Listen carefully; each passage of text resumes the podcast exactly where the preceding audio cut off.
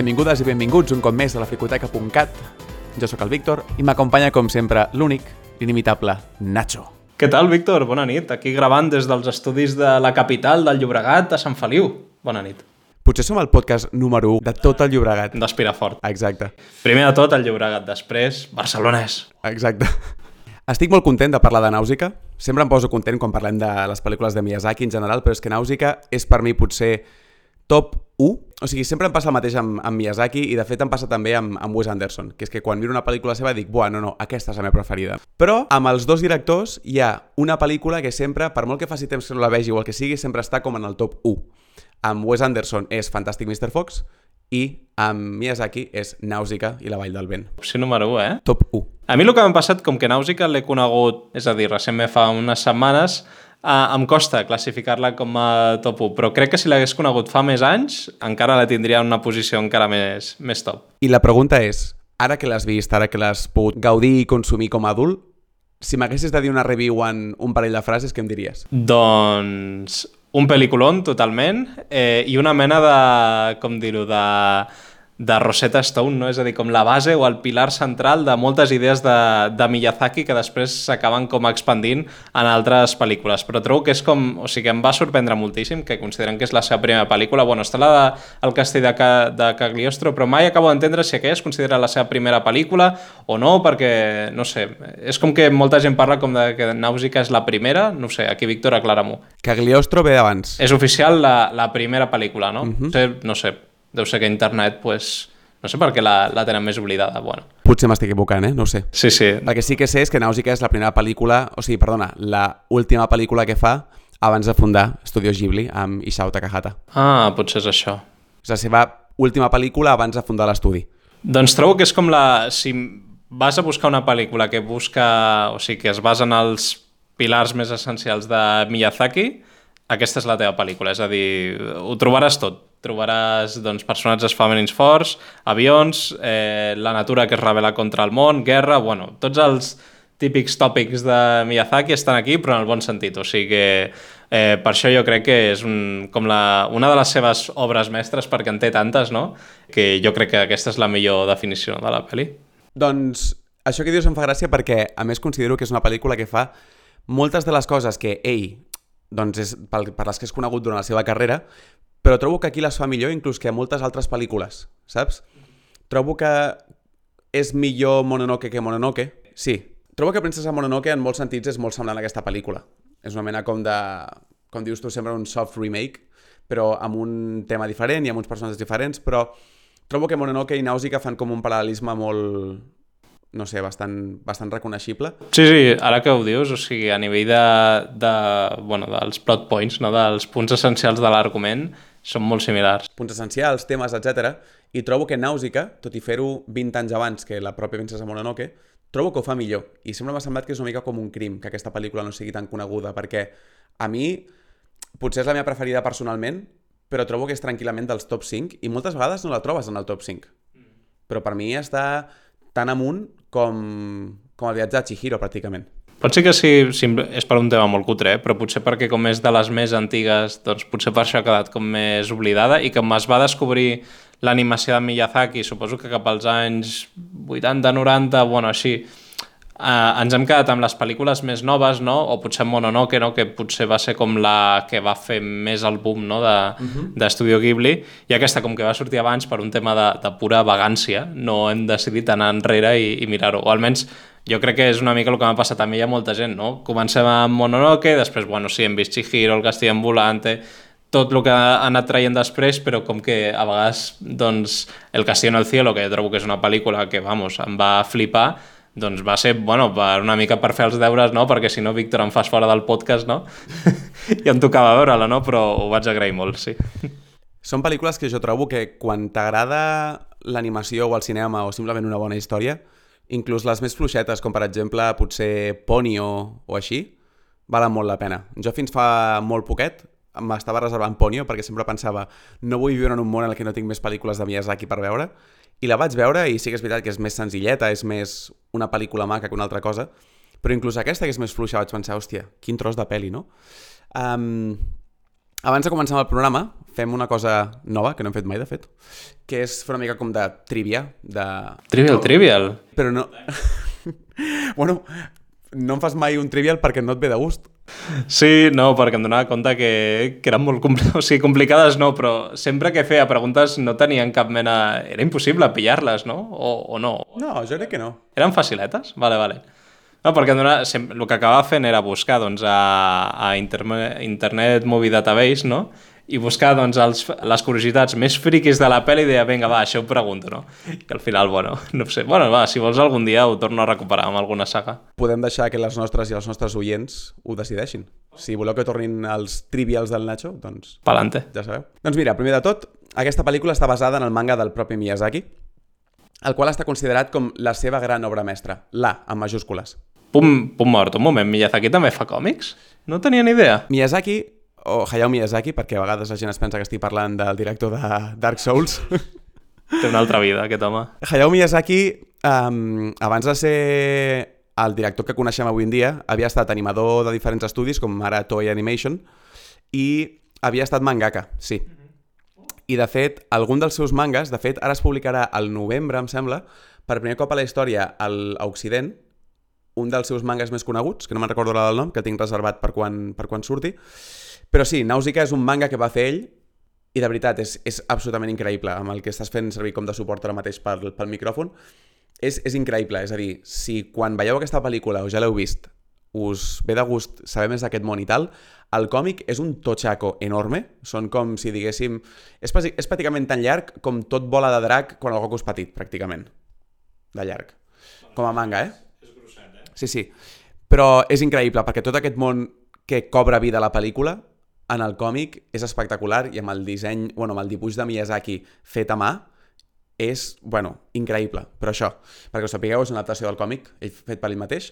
Com dèiem abans, tot i que està considerada com a part del Ghibli-verse o del, you know, l'univers de- d'Estudio Ghibli, Sí, sí, perquè, un moment, Estudio Ghibli, a veure, ara no ens flipem i intentem buscar connexions entre pel·lícules perquè ens tornaríem bojos. Hi ha, hi ha quatre friquis que ho van fer per Pixar, a veure, fa gràcia, però està una mica pillat pels dits, però ara si m'intentes connectar totes les pel·lícules de Ghibli em deixaries loco, eh? no, em referia més aviat com a Ghibli-verse com a, a l'univers, és a dir, el, la marca de les pel·lícules d'estudi, no? L'última pel·lícula de Miyazaki es començaran a obrir portals no? i apareixerà, doncs, no sé, la bruixa del castell ambulante, la... Um, tot i que està considerada com a part d'aquest univers o aquest estudi, com hem dit abans, es va fer abans de la formació de l'estudi, crec que un parell o tres d'anys abans. I diuen que aquesta va ser la pel·lícula que va donar a Hayao Miyazaki com el, el coratge de poder dir no, no, és que em puc dedicar a ser director de llarg, llargmetratges. Mm -hmm. És una pel·lícula que quan es va portar a, a Estats Units va rebre unes retallades i uns canvis de diàlegs i canvis de, de històries i de trames que va ser horrible. Aquí va començar el tema de Miyazaki, les katanes i les amenaces de Harvey Weinstein. un clàssic. Um, de fet, potser per això la pel·lícula no és tan coneguda, perquè fins fa molt poc, de fet, en el, en el doblatge anglès no existia la versió real de la pel·lícula, saps? Uh, més cosetes. El nom de Nàusica és el d'una princesa de l'Odissea i vol dir la que crema vaixells, que trobo que és bastant, bastant adient pel personatge de la, de la pel·lícula. I després, em va semblar molt curiós, els grans insectes, els, els omus, Sí. Uh, el seu nom és una derivació del nom Omushi, que significa rei dels insectes. Hmm. Trobo que és molt xulo que Miyazaki guardi aquests significats dintre dels noms o aquestes referències a princeses de l'Odissea i aquests grans mites, no? Que al cap i a la fi jo crec que són gran part de la seva fundació. Sí, bueno, és que de fet eh, totes les seves pel·lícules es basen molt en, en el concepte de la mitologia, no? de, de grans esdeveniments o grans històries, no? Que et podries trobar doncs, a, doncs això, a, en un clàssic de mitologia grega, romana, etc etc, però doncs, en la mitologia Ghibli, no? No sé, o sigui, sempre són com històries eh, molt èpiques però també molt humanes, saps? Això és el, el xulo. De fet, em va sorprendre com el, com dir-ho, el, el scope, no? o, bueno, el, el tamany de, de la pel·lícula, no? Per pensar que seria una història com molt senzilla i molt tal, i no, no, aquí, doncs, bueno, tipus Mononoke, et parla de la, la gran guerra i la gran salvació del món, però des d'un- d'una manera com molt, no sé com dir-ho, fina, no? Sense grans espectacles ni, ni focs artificials. No et recorda una mica a Mad Max? Sí, sí, sí. Potser per això em va, em va molar molt. O sigui, tota l'ambientació de, del desert, aquests plànols on es veu doncs, el, a l'horitzó, no? I veus allà la, la nàusica amb el seu avió, que per cert, tot el tema dels avions es nota que en aquesta pel·li doncs, el, el Miyazaki ja es comença a lluir com després faran altres pel·lícules. M'encanta, eh? Tot el disseny de, doncs, això de, dels grans helicòpters i, bueno, tot el, bueno, helicòpters, perdó, eh, cargueros i tot això. Mm -hmm. bueno, molt xulo. És molt guai. I, i a més, a mi m'agrada perquè és com... Recorda Mad Max, però et deixa amb millor cor o amb millor sabor de boca, crec jo. Sí, sí. Perquè Mad Max és potser una mica massa com, buah, tio, és que tot està molt malament. En canvi, aquí, com a mínim, tens com petits reductes de gent, per exemple, la pròpia Vall del Vent, no? On la gent és, és amable, la gent és maca i dius, ai, bueno, com a mínim algunes persones s'han salvat de, de l'horror, no? no bueno, sé. és que en aquesta pel·lícula, la veritat, tots són bastant majetes i fins i tot el, els villanos és com, bueno, seguint un clàssic de Ghibli, a veure, vale, sí, són villanos, però tampoc és una cosa exagerada, és a dir, es pot dialogar amb ells i són com com persones, no?, al final, que, bueno, sí, tenen els seus objectius, però tampoc són, bueno, un, uns desgraciats, saps?, en plan antipàtics i tal, simplement, bueno, que, que no encaixen, doncs, amb, amb l'objectiu que, que té la nàusica. Jo crec que, en aquest sentit, per això deia abans que aquesta pel·lícula és el previ a Mononoke i ho fa inclús millor perquè una cosa que sempre es parla a Mononoke és com els personatges tots són rodons i no són només blancs o negres o dolents o bons, no? I aquí realment t'ho trobes molt, això. Només hi ha un sol personatge que és, que és francament com, jo què sé, eh, moral, per dir-una manera, que és la nàusica, la pròpia nàusica, però tothom té els seus motius i simplement tens una societat on la gent té moltíssima por per el que ha passat, no? I llavors tens com diferents bàndols, els que volen controlar la natura, els que volen simplement aprofitar-se'n, i no són dolents, simplement estan buscant una mica com el millor per la seva pròpia nació eh, i això els fa fer atrocitats o cometre atrocitats, no? Però realment no hi ha aquesta visió simplista de tu eres malo, tu eres bueno, que parlàvem amb... Bueno, exacte. uh. Um, bé, aviam, per qui no hagueu vist la pel·lícula, fem una petita sinopsi. És, això sempre ho fem, Víctor. Hem de... A més, hem fet spoilers? No, no, no, no crec que no. Vale, doncs vinga, comencem amb una primera part sense spoilers, més que res perquè la gent que li fas il·lusió veure la pel·lícula, no? Eh, li hagi, bueno, hagi tingut curiositat, hagi clicat al, al podcast i ara doncs li agafi una mica el xup-xup. Fem una mica 5 cèntims de l'argument eh, i després en algun moment donat, si volem comentar alguna de spoilers, doncs ja avisem i així ja ho podem deixar, no? Mira, bueno. jo m'havia apuntat aquí, aviam què et sembla com a... com a... com es diu això, quan hi ha un... No, un resum no. Un... Opening crawl, sinopsis. Sí, no, sí, resum, perdona, estava pensant en summary, però un summary és un resum, per tant, sí. Um, he apuntat, aquesta és la història d'un món destruït per la humanitat i d'una princesa destinada a salvar-lo. Senzillament. Sí, i també grans insectes. Grans insectes. Big books. Big books. Um, és important, eh? És un... Sí. sí Home, sí. bueno, per, o sigui, a mi em va sorprendre bastant, vull dir, no o sigui, pensa que per mi en aquesta pel·lícula que m'he donat compte ara mentre, mentre venia aquí cap a, cap a casa teva, és una pel·lícula on no sabia res de res de l'argument. És a dir, vaig entrar a saco, ah, vinga, vinga, anem a veure Nàusica, i em vaig trobar doncs, amb els primers minuts i vaig dir, m'estic ficant, però bueno, això mola molt, no? Eh, I sí, sí, bueno, apareixen insectes molt, molt grans que fan, bueno, per una persona que potser no li agraden molt els insectes, doncs és bastant spooky, però, però bueno, tenen el seu corazoncito també, diguéssim. Sí. doncs això és una pel·lícula que bàsicament comença amb una premissa que és que fa com un mil·lenni, una cosa per l'estil, va haver-hi una gran guerra que va incendiar el món sencer. Se suposa que aquesta guerra és un producte com de l'avarícia humana, de, bàsicament d'aquesta idea d'intentar com dominar la natura, no? I tenim una societat on tothom intenta, intenta sobreviure a la toxicitat del bosc o a la toxicitat del, del món natural que intenta com restablir-se, Sí, bàsicament és com una mena de bosc d'espores, de, no?, mm -hmm. que són tòxiques, no? Aleshores, doncs, eh, bueno, si veieu caràtules de la pel·lícula, molts personatges van amb màscares així de tipus, doncs això, tipus Primera Guerra Mundial, no?, per tal de no, no contaminar-se. I en aquest bosc, doncs, hi ha bitxitos. I, bàsicament, la protagonista de la pel·lícula, que és la Nàusica, és la princesa de la Vall del Vent, que és una vall que, per com són les corrents del vent, no està afectada per les espores verinoses del, del bosc.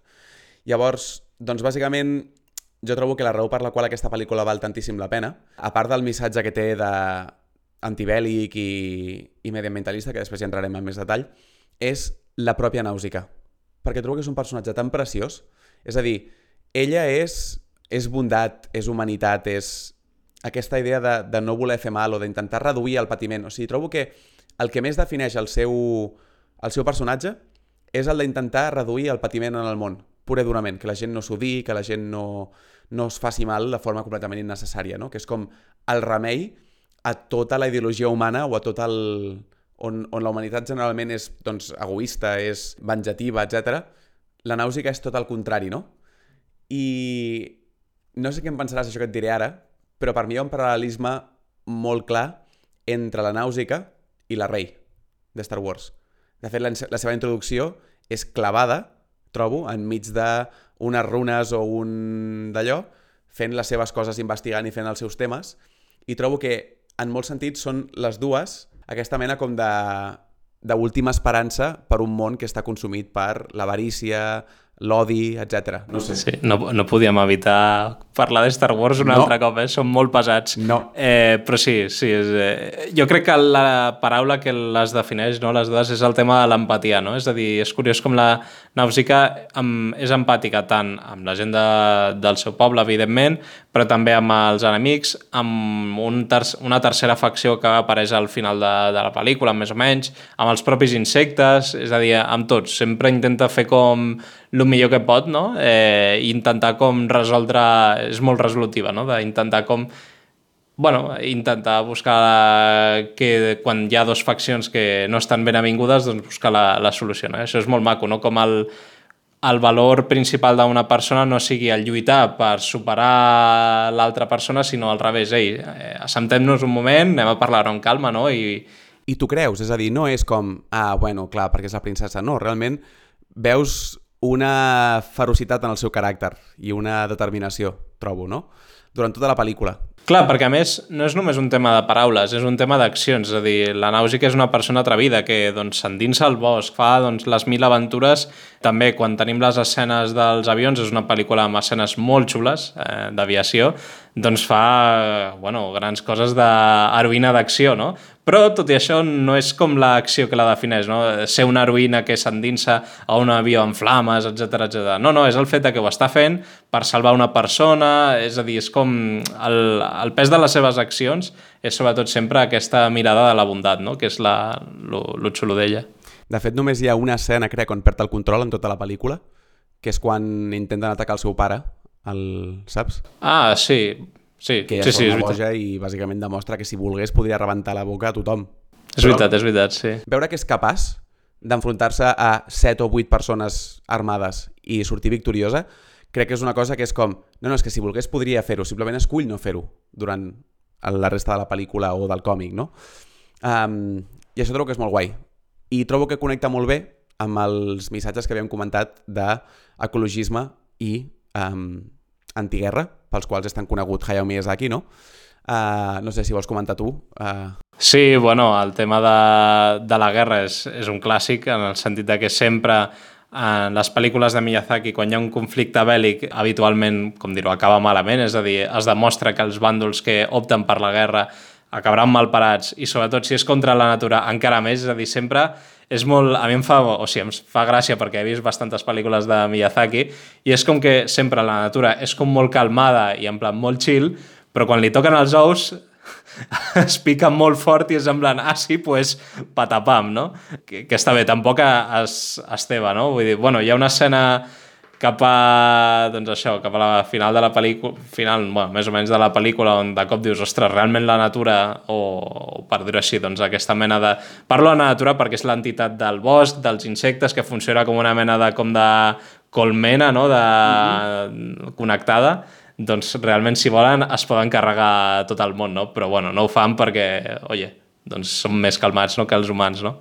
Eh, I l'ecologisme també és molt xulo per al final com t'explica com funciona aquest bosc, no? No és un bosc verinós perquè sí, sinó perquè realment, eh, doncs, escolta, el que està fent és una mica purificar no? els errors que ha fet l'ésser humà doncs, en els últims anys i està com una mica al revés, salvant la, la Terra, no? És curiós perquè trobo que hi ha algunes pel·lícules de Hayao Miyazaki que en el 2022 és com que són més presents que mai. D'una banda està la de la Kiki, la bruixa, eh, la sensació de quan ja no pots més amb la teva feina i la teva vida no et dona el que, el que esperes d'ella, no? Que després del Covid i amb la situació que tenim molta gent, o que té molta gent, perquè jo no la tinc, amb la feina i amb la sensació de no poder més, és com, uau, aquesta pel·li ha envellit molt bé, o el missatge ha envellit molt bé, perquè és com molt present. I aquesta també, perquè trobo que avui en dia estem en un moment on tothom, és a dir, tothom, literalment, trobo que és, com a mínim en una societat eh, occidental, és relativament conscient de l'amenaça del canvi climàtic, de l'amenaça eh, mediambiental i tal, i tot i així, ningú fa absolutament res. És a dir, és com aquesta gran amenaça que tothom és conscient que, que tenim al damunt i de la qual ja comencem a veure les conseqüències negatives, tot i així, la persona mitjana quin sacrifici fa a la seva vida per canviar o per combatre el canvi climàtic? Reciclar? No hi ha ni canvis en la dieta, ni canvis en la forma de consumir, ni en la forma de moure'ns moltes vegades, i és com un reflex molt fort de, de com pot acabar la cosa o de com pot... No amb aquestes idees, òbviament, però sí amb el ei, que això va de debò, per dir una manera, no? Però alhora la pel·lícula et deixa molt bon gust de boca, trobo. Perquè et presenta un món horrible, per tot el que hi ha en quant a conflictes bèl·lics, en quant a destrucció de la Terra i tal, tot i així el personatge de la Nàusica i el seu caràcter és tan afable i la seva forma d'enfrontar-se de, al conflicte és tan afable que dius no, encara hi ha esperança quan acabes de mirar la pel·lícula. Tot i que el món real sigui més complicat, quan tu veus a la Nàusica dius doncs podria ser, amb més gent com la Greta Thunberg i gent així, no? No és una pel·lícula pessimista, és a dir, que tampoc agafa el missatge i te l'intenta com, com dir-ho, clavar al cap així de manera violenta, sinó et presenta, escolta, una realitat, però et presenta personatges que precisament fan accions per canviar-ho, no com a, bueno, en plan, com derrotistes. Sí, i després, movent-nos una mica cap als aspectes més estètics de la pel·lícula, possiblement em sembla la pel·lícula més maca de Miyazaki, i això que és la pel·lícula que crec que fa, en la que fa servir menys colors. En aquesta pel·lícula crec que en total, m'ho havia apuntat, fa servir només 260 colors, que són poquíssims comparat amb la pel·lícula mitjana que pots trobar avui en dia, que fan servir potser milers de colors. Trobo que té una forma de fer servir els blaus, per exemple, sobretot quan es troba sota terra o en els nius del, dels insectes i tal, que és, que és maquíssima, i després ajuda moltíssim, trobo, aquesta combinació entre estètica steampunk i medieval, que és molt com si no sabessis molt ben quin període està, com si el món s'hagués quedat aturat en una mena com de progrés o com de... Sí, això és bastant divertit, perquè és veritat que és un món amb castells, espases i tal, però també... Exacte, amb armadures, etc. però també té avions descomunals... Escometes. Sí, és veritat, sí, sí. Bueno, i el propi avió de la Nàusica, que és totalment futurista 100%. O sigui, sembla ja li falta el logotipo d'Apple, no? De lo perfecte que és, així blanquet i, i llis. I després, la música, eh, al càrrec de Joe Hisaishi, el compositor estrella de les pel·lícules de Hayao Miyazaki i a partir d'aquí es consolida la seva relació com a director i compositor. Un duet que trobo que ha estat estel·lar i potser si no fos per aquesta pel·lícula no hagués passat mai, no? Però la música d'aquesta pel·lícula és preciosa que trobo que també acompanya molt bé la tonalitat de la pel·lícula i el, la personalitat i el caràcter de la, de la música mateixa.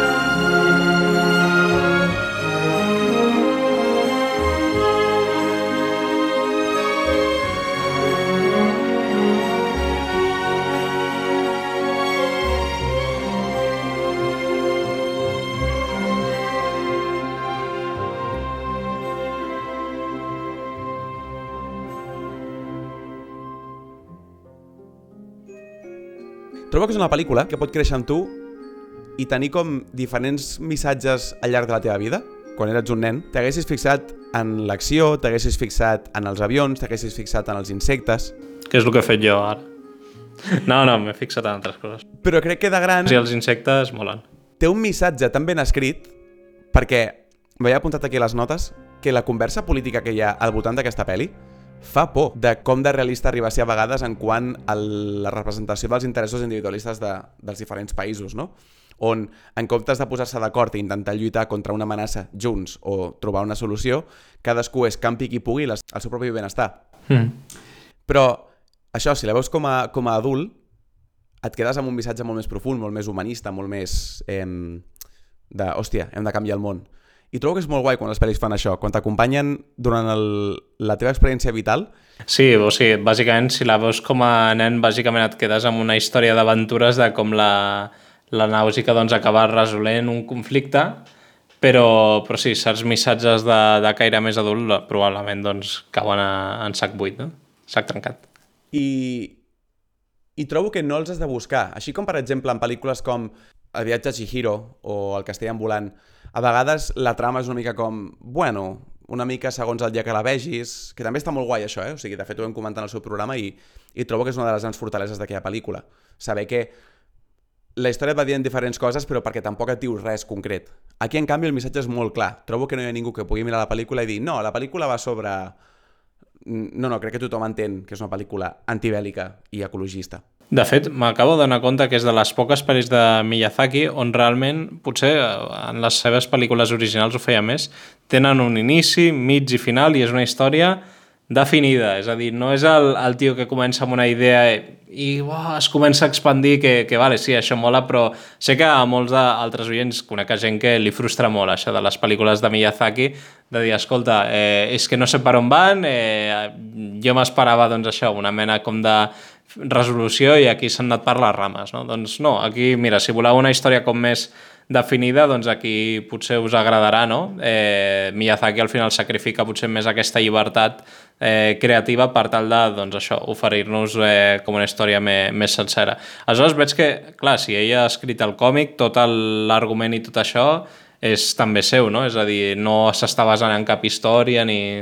Diuen que el, quan va escriure el còmic original s'estava basant molt o, o inspirant molt amb les històries d'Úrsula K. Le Guin, del mag de Terramar i tal.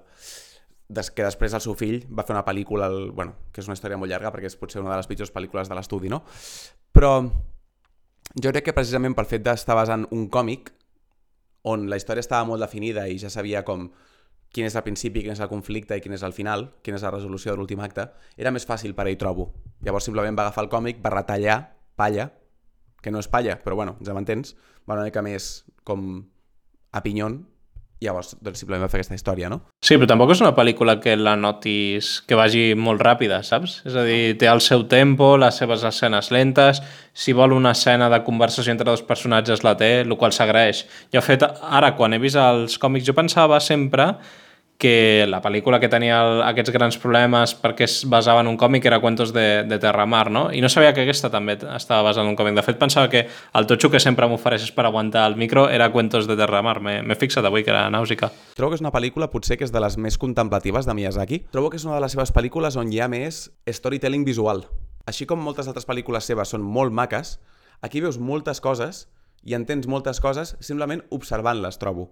Per això deia també que és de les més maques, perquè és una pel·lícula que t'ajuda molt a... o que et convida molt a estar atent amb els ulls i, i entendre com una part més de, de la història o de l'argument, em sembla a mi. En la pròpia vestimenta dels personatges, els seus, la seva gesticulació cap als altres.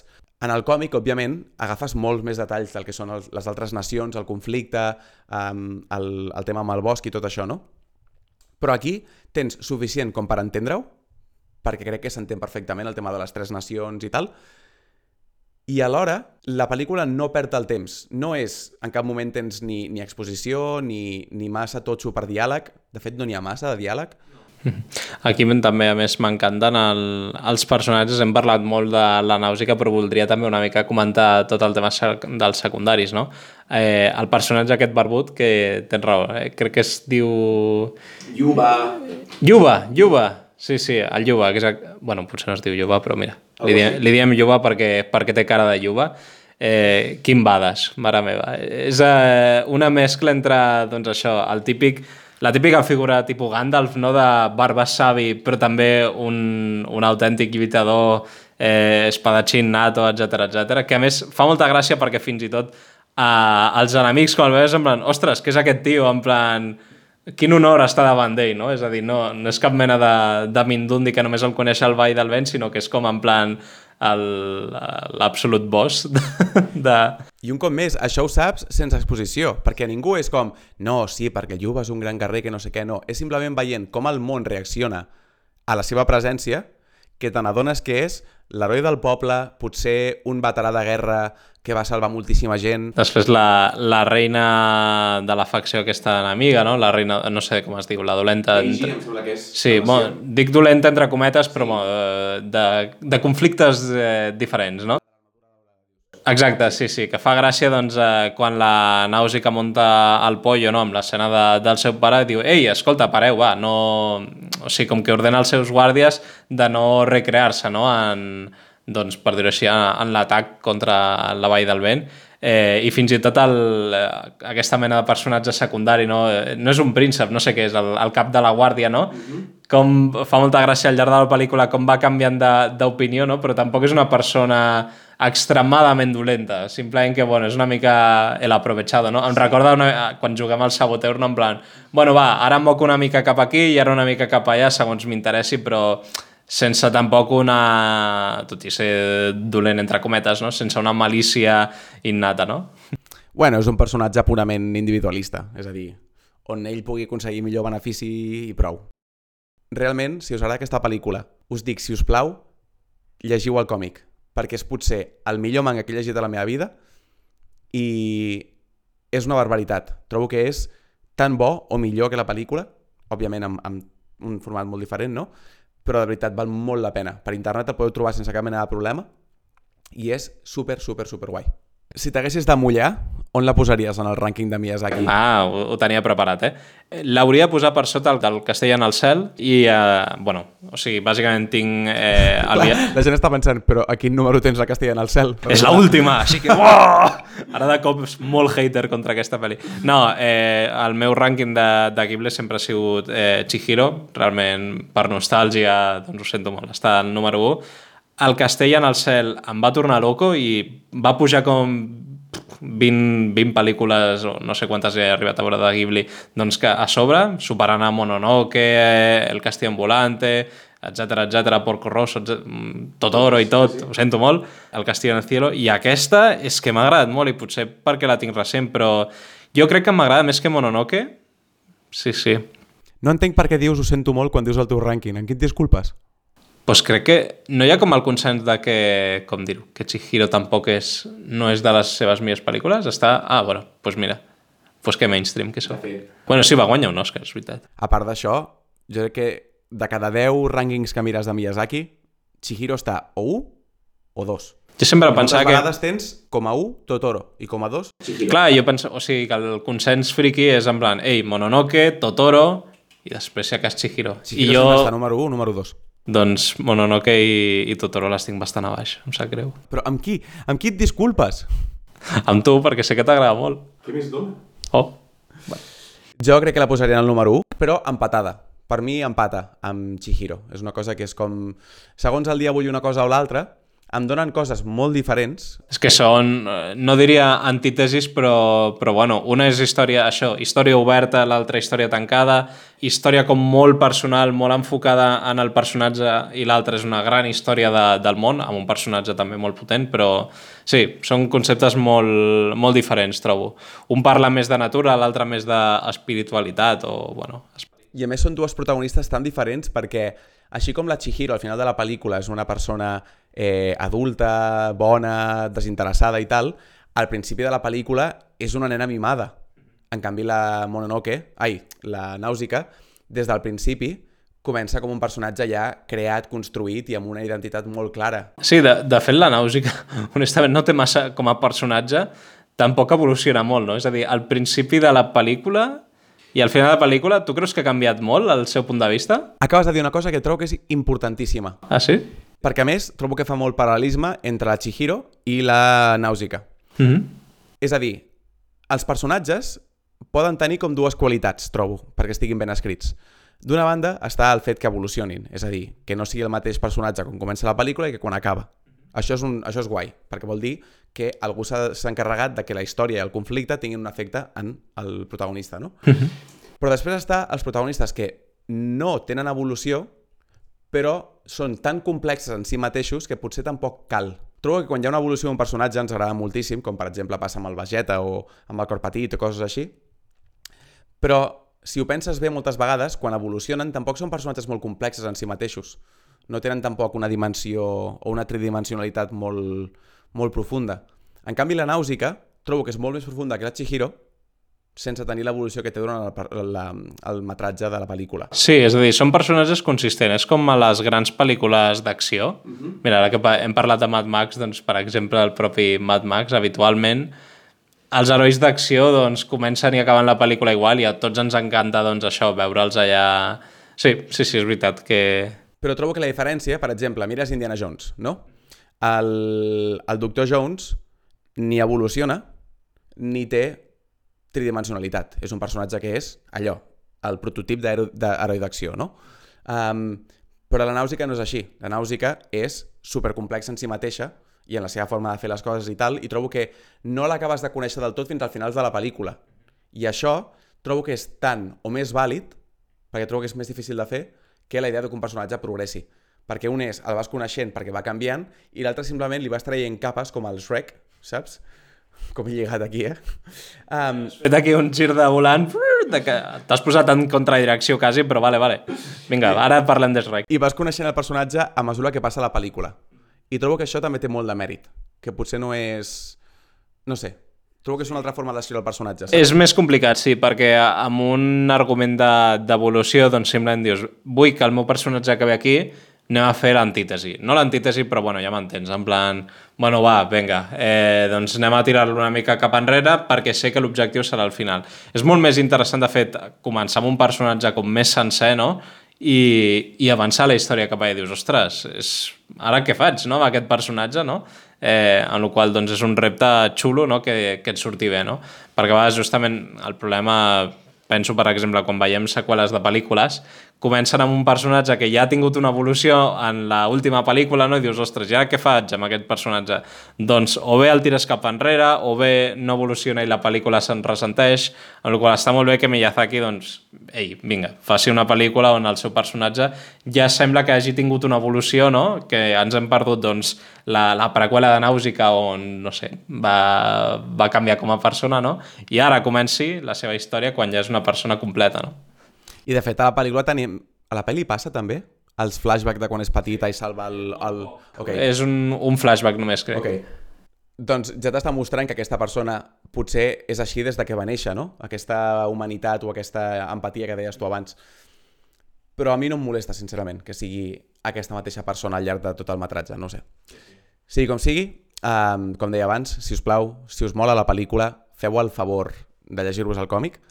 Si us interessa tot el tema, el que parlaves abans, el tema de l'estructura de les pel·lícules de tres arcs i aquestes coses, us recomano moltíssim que aneu a YouTube i mireu el segon programa de La Cova d'en Kenobi, que és un programa que estem fent així de YouTube directes i tal entre uns quants creadors de contingut, el Darth Segador, el Jordi Nowan i tal, i vam fer l'altre dia una tertúlia a la que comparàvem Star Wars, Harry Potter, uh, Marvel i El Senyor dels Anells, Caram, o sigui, el triumvirat, eh? i parlàvem una mica de tot el que les defineix, com es comparen i els diferents temes que, que no sé, que les uneixen. I vam parlar en el seu moment de el, el viatge de l'heroi i de la història en tres arcs i de com fins a quin punt són una cosa que volem o simplement una cosa que simplement hem adoptat i ningú s'ha atrevit a trencar o el que sigui. I trobo que vam tenir una conversa molt xula al respecte. O sigui que si voleu, ja sabeu, a YouTube, La Cova d'en Kenobi, com Obi-Wan Kenobi, i subscriviu-s'hi perquè és un canal que comença ara mateix, de fet porten dos capítols, i la idea és parlar de diferents temes així friquets, però amb tertúlia de diferents persones i amb opinions molt diferents, o sigui que pot estar, pot estar xulo. Que guai, doncs sí. I fins aquí, jo he estat el Víctor, I el Nacho, i fins a propera, a reveure. a reveure!